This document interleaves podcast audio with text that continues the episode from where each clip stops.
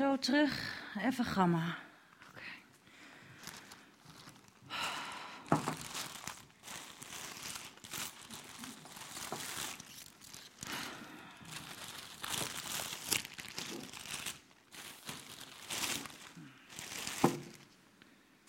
Oh, is dit nou weer dan?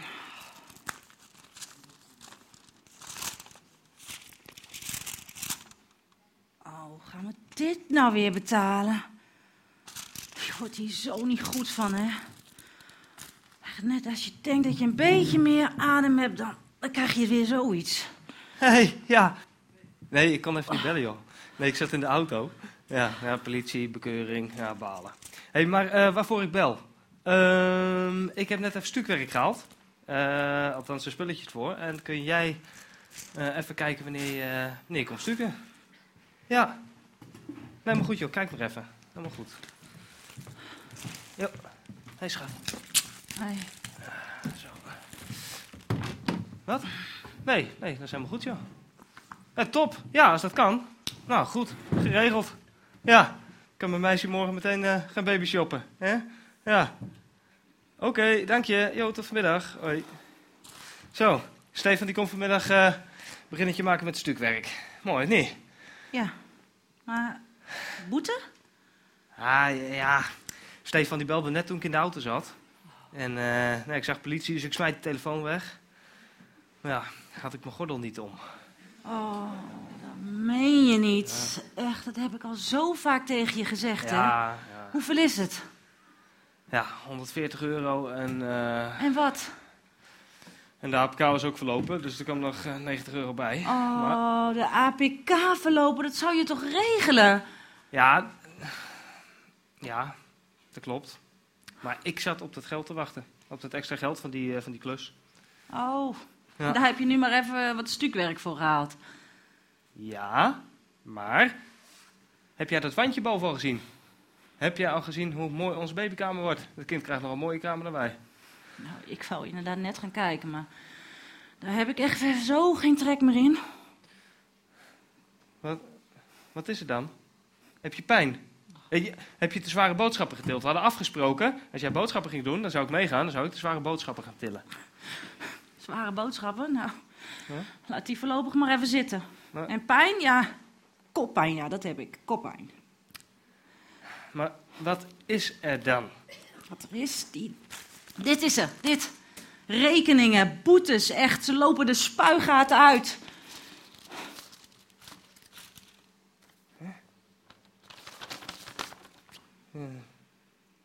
2650 euro?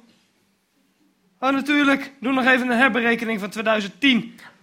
Jongen, waar gaat het over? Ja, precies, ja. Hier, hier. Ook nog een aankondiging van de schuldsanering. Eh, Een beetje, een beetje kamertje bouwen, echt. Ja, Ik ga helemaal niet baby shoppen, hoor. Echt, ik weet echt niet hoe we dat gaan betalen. echt. We zitten zwaar in de rat, joh. Ja, maar... Meisje, doe nou gewoon even rustig. Ja?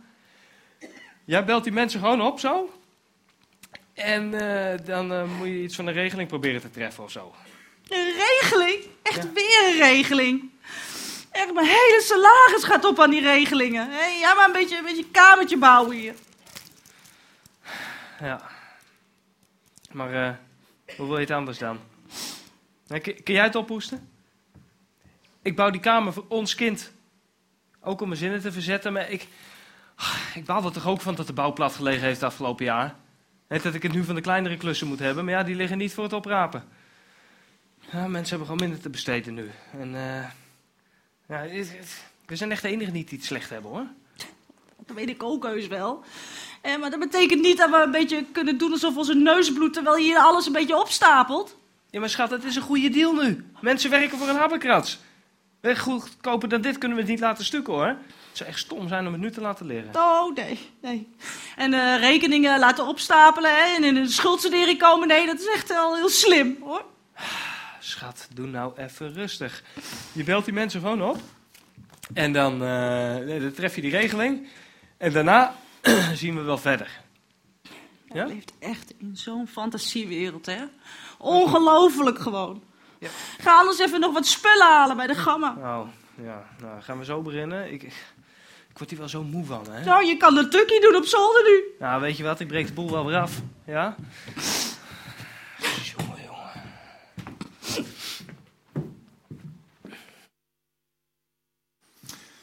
Ja, voor een uh, aantal mensen zou dit uh, herkenbaar kunnen zijn.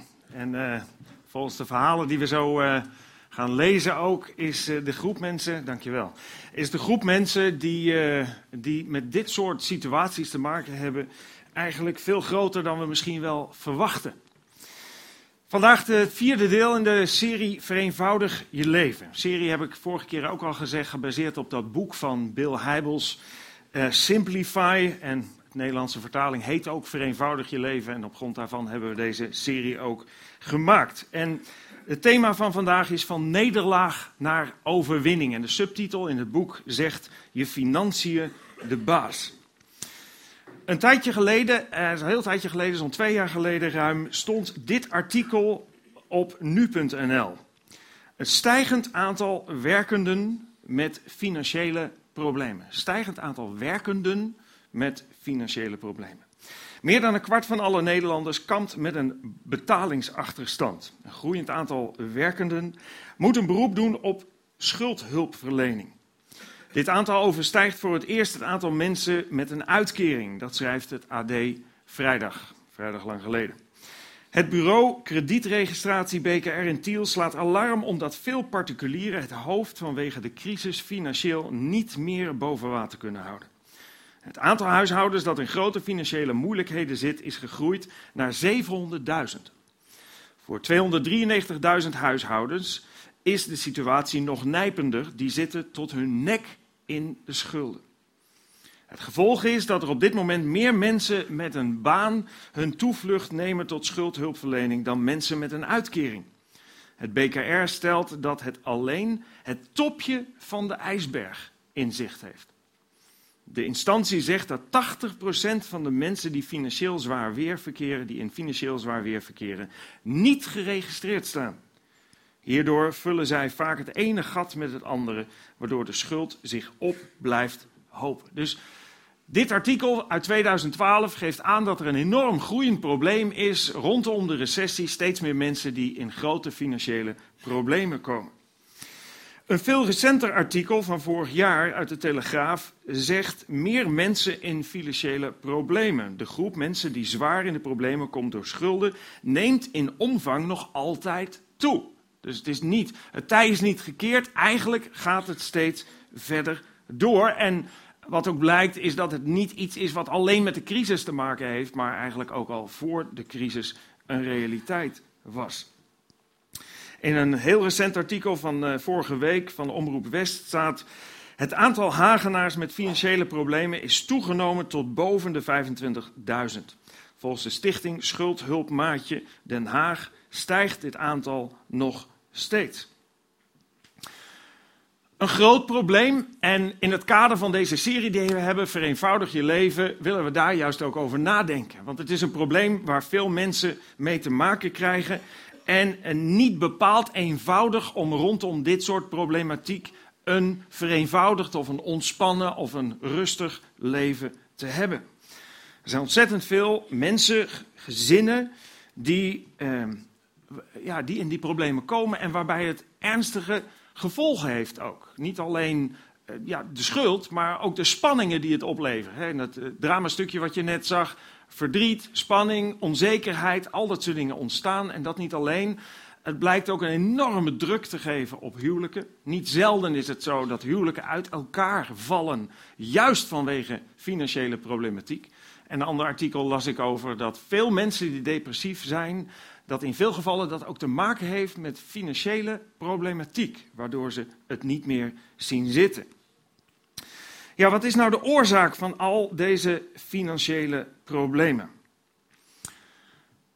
Natuurlijk, het verliezen van een baan, recessie, uh, al dat soort dingen. Uh, je huis die minder waard is, al dat soort dingen kunnen natuurlijk een rol spelen. Maar er is meer aan de hand. Want nogmaals, ook voor de recessie was het een toenemend probleem. En ook nu we er iets meer bovenop lijken te komen, wordt het probleem nog steeds groter. Het NIBUD, het Nationaal Instituut voor Budgetvoorlichting, die eigenlijk gezinnen uh, wil ondersteunen in het maken van budgetten en in het uh, bijhouden een beetje van wat geef je nou uit en waaraan, schrijft naar aanleiding van het onderzoek wat ze hebben gedaan met de titel Kans op financiële problemen het volgende. Bij de dagleven, dus alleen maar denken aan vandaag, bij de dagleven, niet willen sparen en moeilijk verleidingen kunnen weerstaan, vergroten de kans op financiële problemen. En eigenlijk blijkt dat het niet alleen vergroot, maar dat een groot deel van de financiële problemen juist daaruit voortkomen.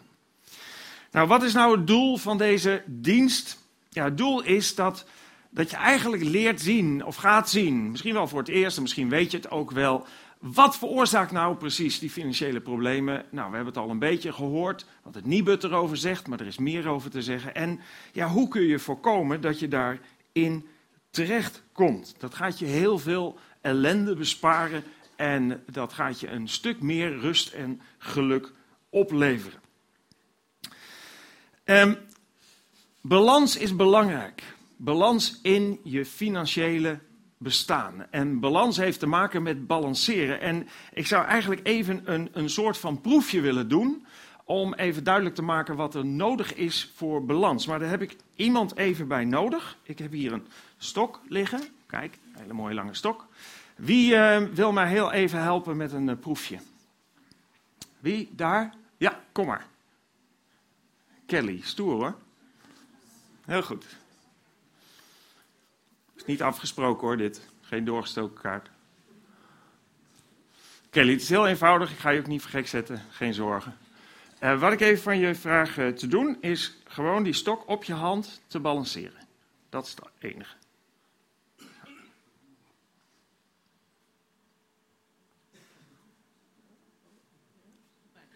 Nou ja, nog een keer proberen. Val best tegen, hè? Val best tegen. Wat zie je haar doen om het. Blijf even staan. Wat zie je haar doen om het toch voor elkaar te krijgen, zoveel mogelijk? Hoe? Bewegen, ja. Corrigeren, continu. En wat nog meer? Concentreren. Concentreren, ja. Heel goed kijken naar waar die stok naartoe gaat. Heel belangrijk. Moet je nog één keer proberen, dan wil ik even. Moet je je ogen dicht doen. En dan ga je balanceren. Moet ik even oppassen, jongens, helm op. Oh, ja. Nou, dat lukt niet, hè? Dat lukt niet. Nou, nog één keer. Dan zet je hem gewoon, probeer hem heel voorzichtig rechtop te zetten. En dan ga je niet corrigeren. Je houdt je hand vast, maar hij blijft gewoon helemaal rechtop staan. Even proberen. Dat kan ook niet, hè? Nee, dat werkt niet. Oké, dankjewel. Heel goed. Dankjewel, Kelly.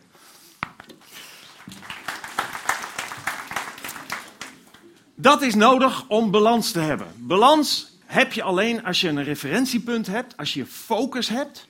In dit geval de stok, dat je focus. Meestal kijk je nog iets hoger, omdat je dan sneller ziet uh, dat de beweging afwijkt. En dat je constant corrigeert.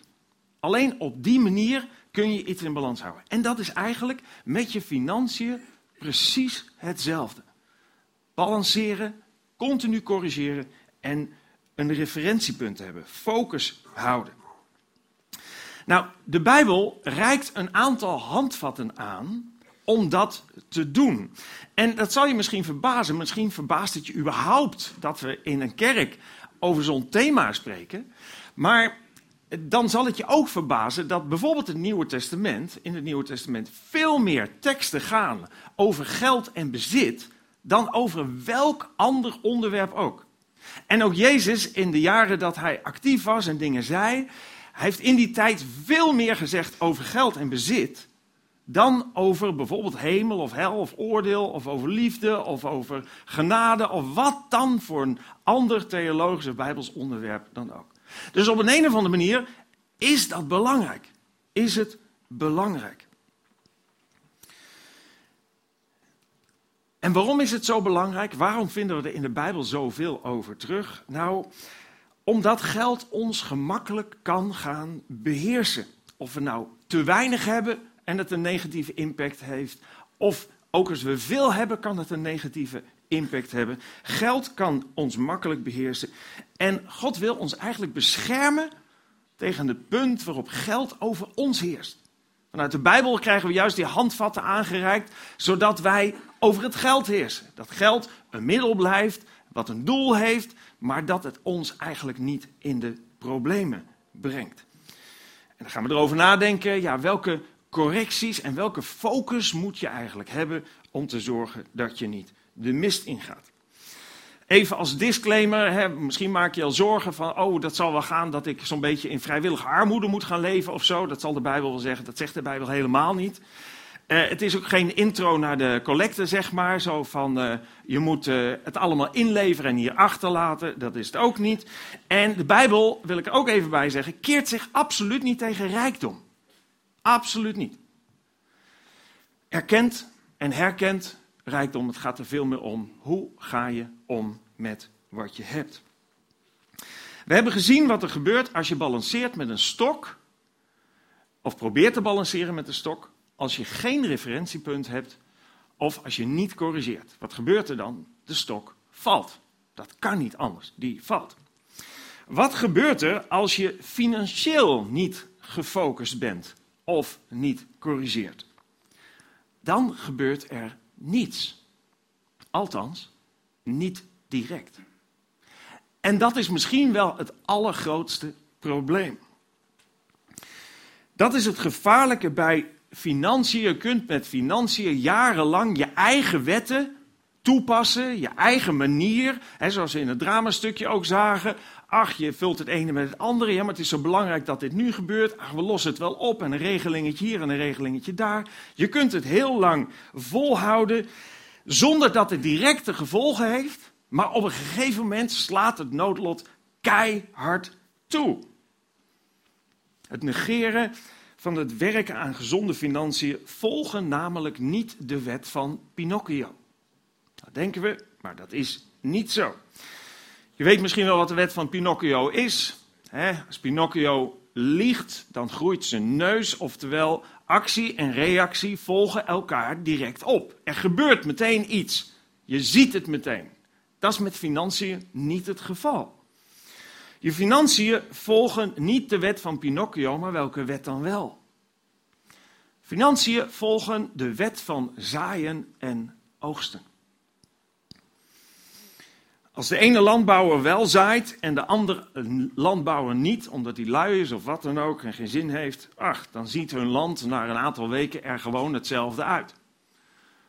Maar na verloop van tijd, dan ga je de verschillen zien. En na verloop van tijd blijkt de ene boer die gezaaid heeft te kunnen oogsten en de andere boer armoede tegemoet te kunnen zien. En zo gaat het ook met onze financiën. De manier waarop we met ons geld omgaan, volgt de wet van zaaien en oogsten. En daarom kun je je ook niet veroorloven om het er maar op aan te laten komen. Want als het fout gaat, ben je te laat. Je kunt het niet meer even corrigeren.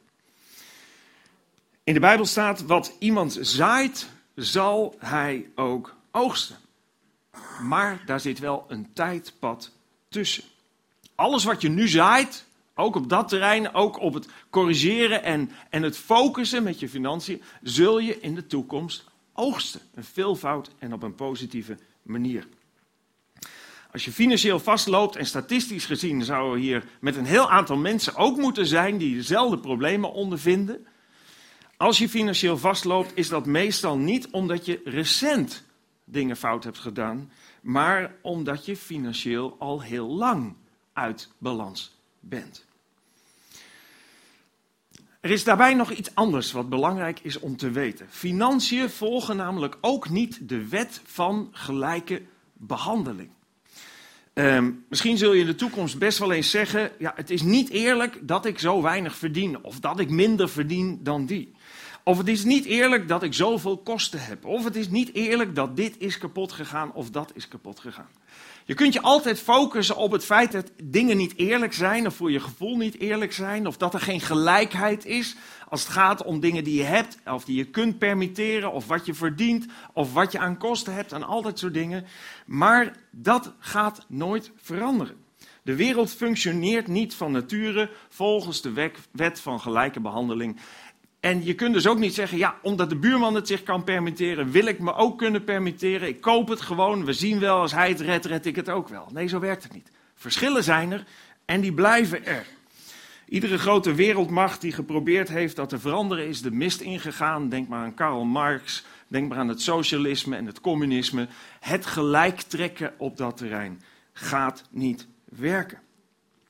Dus gelijkheid wordt het niet, maar je kunt wel financieel in balans zijn en daarmee, ondanks de ongelijke behandeling, toch gelukkig zijn. Toch rust hebben. Ondanks dat je misschien minder of meer hebt. Als je financieel vastloopt, is dat ook vrijwel nooit omdat je te weinig hebt, maar omdat je niet in balans bent. Misschien met datgene wat je hebt niet op een goede manier omgaat. Het Nibud gaf drie redenen waarom we tegenwoordig veelvuldig in financiële problemen komen. Bij de dag leven, dat was de eerste wat werd genoemd. Niet willen sparen en moeilijk verleidingen kunnen weerstaan. Nou, bij de dag leven geeft aan dat we financieel niks plannen. Dat we nergens over nadenken. We leven gewoon bij de dag. We zien wel wat er gebeurt. Er komt wat binnen. Er gaat wat uit. Niemand weet precies hoe het, hoe het in elkaar zit. En voor het weet gaat dat fout. Bij de dag leven is zo'n voorbeeld van zaaien en oogsten. Maar waarbij je in dit geval iets negatiefs gaat oogsten in de toekomst. Want als je geen focus hebt op wat er gebeurt met je geld. Dan gaat het zich een keer wreken. Of er moet zo verschrikkelijk veel binnenkomen dat het niet meer uitmaakt wat eruit gaat. Maar zelfs mensen die verschrikkelijk veel verdienen, blijken in dezelfde problemen terecht te komen, want die geven ook verschrikkelijk veel uit. En in alle gevallen, of je nou veel verdient of weinig verdient, als je meer uitgeeft dan dat er binnenkomt, dan gaat het een keer fout. Dus het advies is eigenlijk aan iedereen, en zeker als je voelt, hé, hey, heel vaak gaat dat niet lekker, ontzettend veel ruzie in huwelijken ontstaan, juist rondom financiën. En dan zit je elkaar aan te kijken en hebben geen idee waar het allemaal naartoe gaat. Het snapt er niks van. Het komt zat binnen, maar het lijkt wel of het verdampt.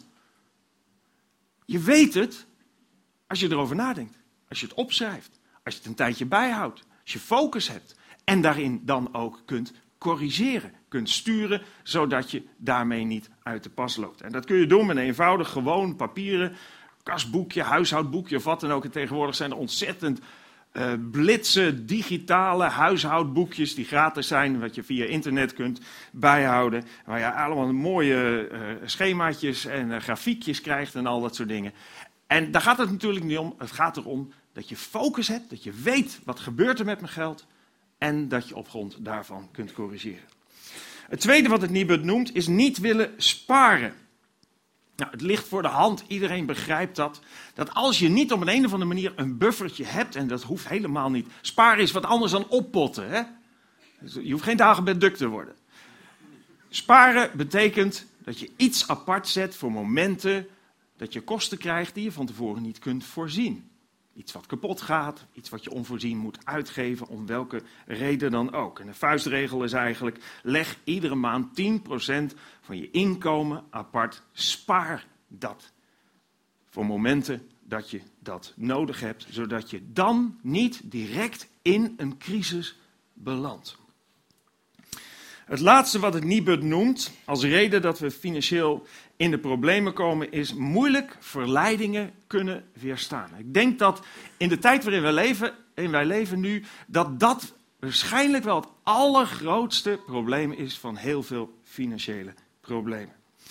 Onze consumptiemaatschappij is gericht op het hebben van bezit, meer en meer, op het uitgeven van geld. Geld moet rollen en dan, dan, loopt de, dan loopt de economie en koop maar en koop maar. En als je niet oppast, word je daar helemaal in meegezogen. En iets kopen is helemaal geen probleem als je geld hebt. Maar iets kopen zou een probleem moeten zijn als je geen geld hebt. Maar ook dat is in de tijd waarin we leven helaas niet het geval.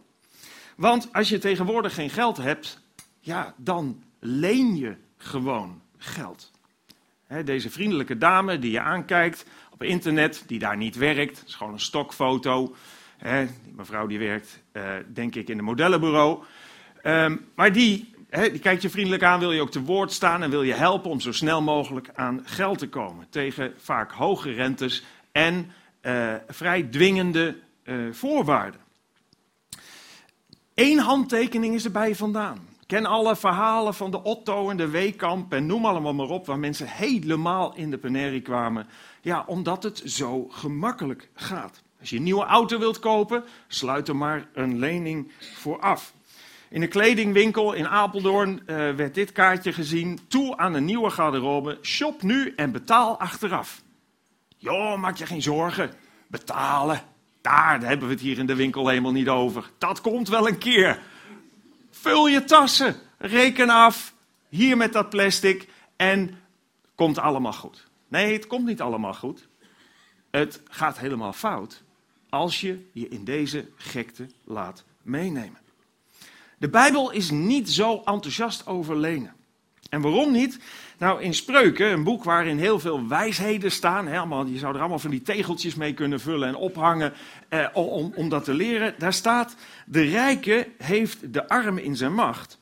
En wie leent, wordt de slaaf van zijn geldschieter. Dus het is eigenlijk een vorm van vrijwillige slavernij, zou je kunnen zeggen, om te lenen. En dan gaat het natuurlijk in eerste instantie om het lenen van dit soort consumptieartikelen. En waarom? Nou, waarom word je een slaaf? Je kunt met wat je gekocht hebt nooit terugbetalen wat je geleend hebt. Als je iets koopt, of het nou een auto is of wat dan ook, het is minimaal een uur later 30% minder waard en misschien is het onverkoopbaar omdat het tweedehands is en levert het geen 10% meer op. Dus er is een enorme onbalans tussen wat je als bezit hebt, eventueel kunt stellen ten opzichte van de schuld, en wat je als schuld hebt. En als dat groeit, heb je een probleem. Ergens lijkt allemaal wat te gaan, maar het gaat om kleine afbetalingjes en met je salaris wil dat wel. En als je dan gaat kijken wat je in de loop van de tijd betaalt, ook aan rente en dergelijke, dat is enorm, maar vroeg of laat kun je er ook in vastlopen. En dat gaat best een tijdje goed. Geld lenen voor een huis is natuurlijk wat anders. Ehm, je moet niet zo'n huis uh, kopen als je daar niet ook een beetje zeg maar, de aflossingen bij kunt doen en, uh, en de kosten bij kunt betalen. Maar bij een huis heb je veel meer een situatie dat er een bepaalde waarde blijft ten opzichte van wat je leent. Alhoewel ook daar moet je voorzichtig zijn. Ook daar is de gekte Neem een tophypotheek. Waarom 100%? Neem 120% en richt meteen je huis helemaal nieuw in. Nou, we rijken een beetje uit die gekte rondom de crisis, maar het komt vast wel weer een keer een beetje terug. Nee, eigenlijk zou je moeten zeggen: wat is redelijk zeker dat het huis waard blijft? Als dat 75 of 70 procent van de waarde is, eigenlijk zou je niet meer moeten lenen dan dat. Dus eerst sparen en dan kopen. Ja, hoe komt het dat we zo gemakkelijk geld lenen en eigenlijk kiezen voor die slavernij? Nou, volgens de Bijbel ontbreekt het ons in veel gevallen aan zelfbeheersing. Want het vraagt ontzettend veel zelfbeheersing om financieel in balans te zijn. Zeker na alle schreeuwende advertenties en alle schreeuwende etalages. Vraagt veel zelfbeheersing. En het vraagt veel discipline, dat als je eenmaal in de problemen bent gekomen, om daar uit te komen. In de Bijbel staat weer in spreuken, als een stad met een bres, is als, um, als een stad met een bres in de muur, zo is iemand die zichzelf niet beheerst. als, als iemand met een gat in de hand zou je kunnen zeggen. Een bres in de muur betekent een gat, dus dan is de verdediging is weg. Nou ja, zo is iemand die zichzelf niet beheerst. Waar je, laat maar kopen, laten we het maar doen. Laten we, ach, we zien wel, we komen er wel uit. En door het gebrek aan zelfbeheersing geef je de controle over aan iemand die je naam niet eens kent. En omdat hij je naam niet kent, is hij ook echt niet emotioneel betrokken met jouw situaties. En het enige wat geldt zijn de regels. En al die risico's nemen we om een mooie auto te rijden. En doen we om in de laatste mode te lopen en nog meer spullen te hebben. De Bijbel, vanuit de Bijbel vind je eigenlijk de stimulans om te gaan voor de vrucht van de uitgestelde behoeftebevrediging. De vrucht van de uitgestelde behoeftebevrediging. Dus nee, niet nu. Ik stel het uit tot het moment waarop het kan, waarop het verantwoord is, waarop ik het geld heb. In Spreuken 16 staat: Een geduldig mens is beter dan een sterk mens. En wie zichzelf goed in bedwang heeft, is sterker dan de man die steden inneemt. Belangrijk, sterk. Vrucht van de uitgestelde behoeftebevrediging. Lenen kost je niet alleen geld, het maakt je ook tot slaaf. dit plaatje zie je dan als er die geldleningen zijn, dat is verplicht. Let op, geld lenen kost geld, maar het wordt zoals je ziet een blok aan het been. Je wordt een gevangene van de lening verstrekken. En als je leningen hebt, en zeker nogmaals, eh, ik heb het over die consumptieve kredieten, die kredieten die, kredieten die we sluiten, niet om te overleven, want ja, als we in ons huis kijken wat we allemaal hebben staan, welk percentage daarvan is werkelijk voor onze eerste levensbehoeften, eten, drinken, onderdak en kleding. We hebben een heleboel dingen staan die daar helemaal niet bij horen. En dat is prima, daar is allemaal niks mis mee, als je het maar kunt betalen. Maar als je werkelijk die kredieten hebt, die consumptieve kredieten hebt, dan zou ik zeggen: maak een plan. Wees een periode gedisciplineerd. Stel je behoeften uit en zorg dat je rust krijgt in je huis. Rust krijgt in je leven. En niet altijd die heigende boodschap van die brieven die binnenkomen van wat je allemaal nog moet betalen. Is dat het enige wat de Bijbel erover zegt? Los zelfbeheersing, sparen en financieel plannen, alles op? Nee, de Bijbel zegt heel veel meer, want het gaat niet alleen om wanneer je weinig hebt. De Bijbel zegt heel veel ook over wanneer je heel veel hebt en de verantwoording die je hebt om daarmee om te gaan. En ook daar liggen net zo goed risico's. Ik zei net al, sparen is geen oppotten. Sparen is niet op je geld zitten. Uh, er zijn een heleboel risico's die er zijn als je veel hebt. Als je te veel hebt. Er is één advies wat de Bijbel geeft en wat regelmatig voorkomt, voorkomt in de Bijbel. Um, en wat een effectief middel blijkt te zijn tegen materialisme en andere financiële ziekten. En dat is geven. En dat blijkt ook nog eens een keer, gaan we toch naar de collecte. En dat blijkt ook nog eens een keer heel gaaf te zijn om te doen. Jezus zegt, het is, het is fijner of zaliger, zegt hij, het is fijner om te geven dan te ontvangen. Dat is fantastisch om te doen, want dat wat je daarvan terugkrijgt, en dan bedoel ik niet op je bankrekening, maar aan geluk, en dat is waar we ten diepste naar verlangen, niet een dikke bankrekening, maar gelukkig zijn. Wat je daarvan terug ontvangt, is zoveel meer dan dat het kost. En het beschermt je zo tegen materialisme en al dat soort andere dingen dat we regelmatig in de Bijbel dat tegenkomen. Geven. Paulus, kerkstichter, op heel veel plekken in Israël en in voormalig Klein-Azië, Turkije, Griekenland en dergelijke kerken heeft gesticht. Die correspondeerde met een van zijn leerlingen, Timotheus, en hij schreef het volgende aan hem. Hij zei, zeg tegen de rijken dat zij niet trots mogen zijn en niet moeten vertrouwen op hun geld dat slechts een twijfelachtige zekerheid geeft. Maar dat zij moeten vertrouwen op de levende God die ons van alles geeft om ervan te genieten. Je mag genieten van de dingen die je krijgt, maar pas op, vertrouw niet op geld wat een twijfelachtige zekerheid geeft. Vertrouw op God, die altijd zeker is, altijd trouw is en nooit in waarde afneemt. Zeg hun dat ze hun geld moeten gebruiken om er goed mee te doen. Ze moeten rijk zijn in goede werken en met een blij hart geven aan mensen die gebrek lijden. Ze moeten altijd klaarstaan om alles wat God hun heeft gegeven met anderen te delen. Door dat te doen zullen zij voor zichzelf een echte schat voor de toekomst opslaan. Dat is een veilige investering voor de eeuwigheid.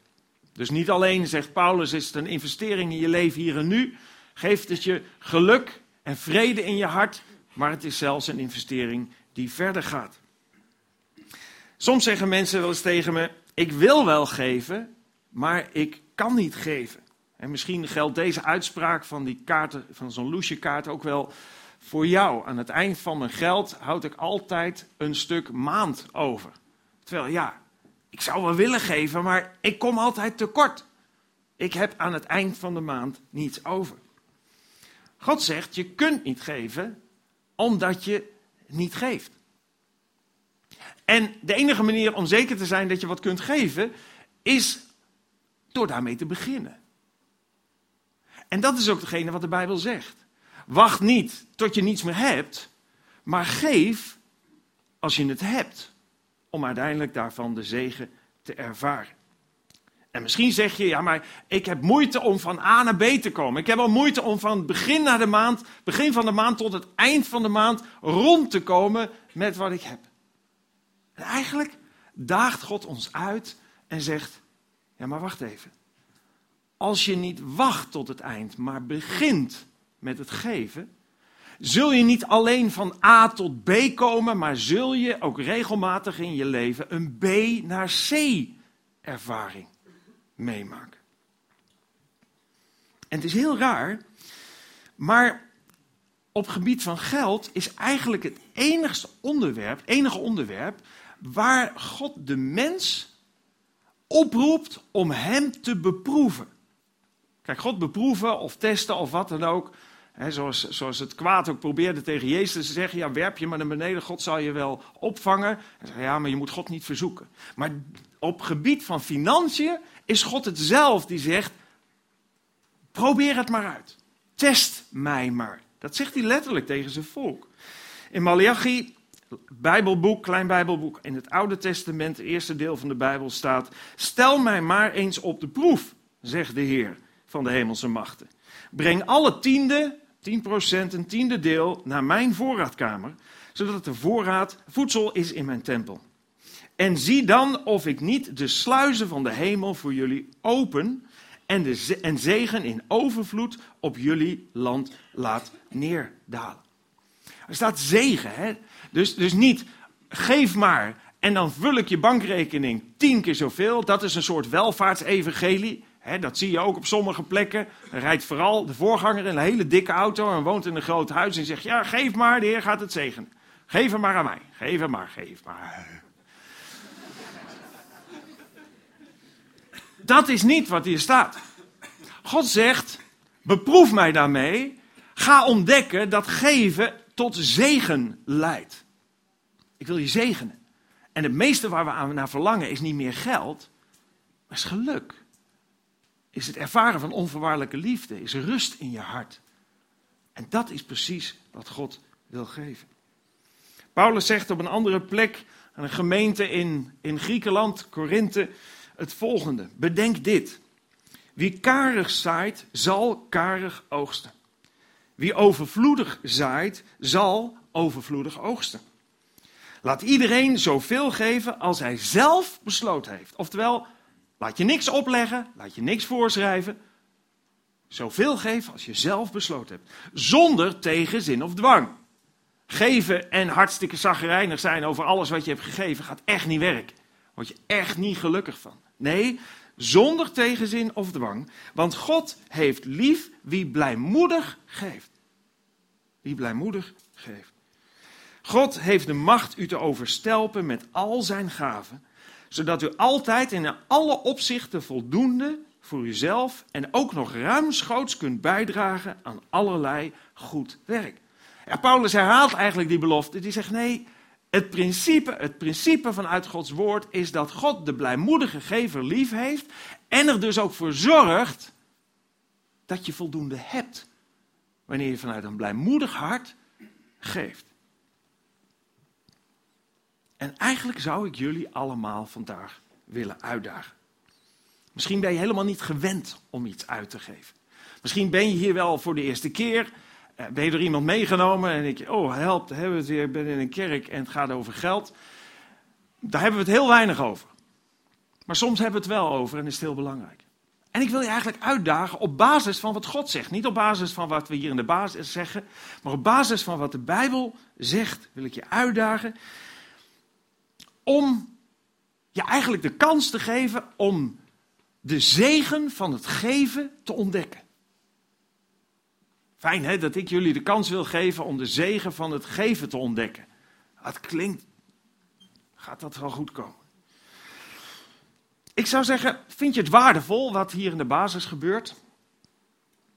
Dan zou je ons werk kunnen steunen door te geven. Er zijn een heleboel andere dingen waar je op kunt geven hoor. Er zijn keuzes genoeg. En dan zou ik zeggen, als je dat doet, doe het niet eenmalig, maar doe het maandelijks. En als je dat doet, beetje naar die Bijbelse principes, laat het geen gift zijn, maar een offer. Weet je wat het verschil is? Er was dus een, eh, een, kip, in de eerste dienst zei ik een kip en een koe, maar dat klopte niet. Een kip en een varken, eh, die met elkaar afspraken dat ze wel graag een, um, een, omeletje met spek wilden geven voor de koning. En dat stelde die kip voor. En zei het varken, ja, dat is lekker leuk voor jou. Dat is voor jou een gift en voor mij een gaaf. Uh, bedoel, voor mij een offer.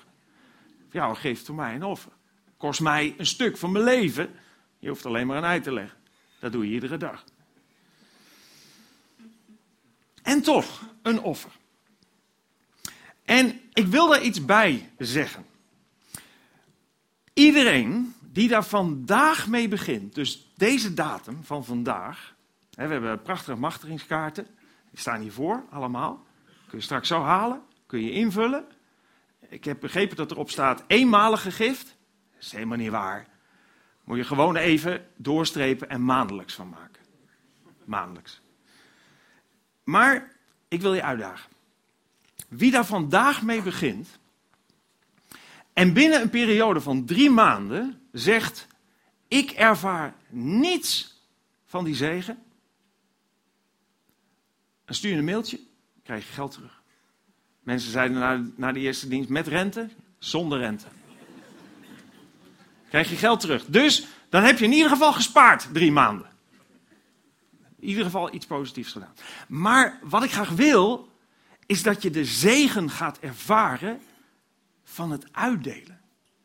En dat hoeft niet per se hier, dat mag hier. Kijk, hier is die regeling, ergens anders niet. Um, maar er, is een heleboel, er zijn een heleboel plekken waar je kunt geven.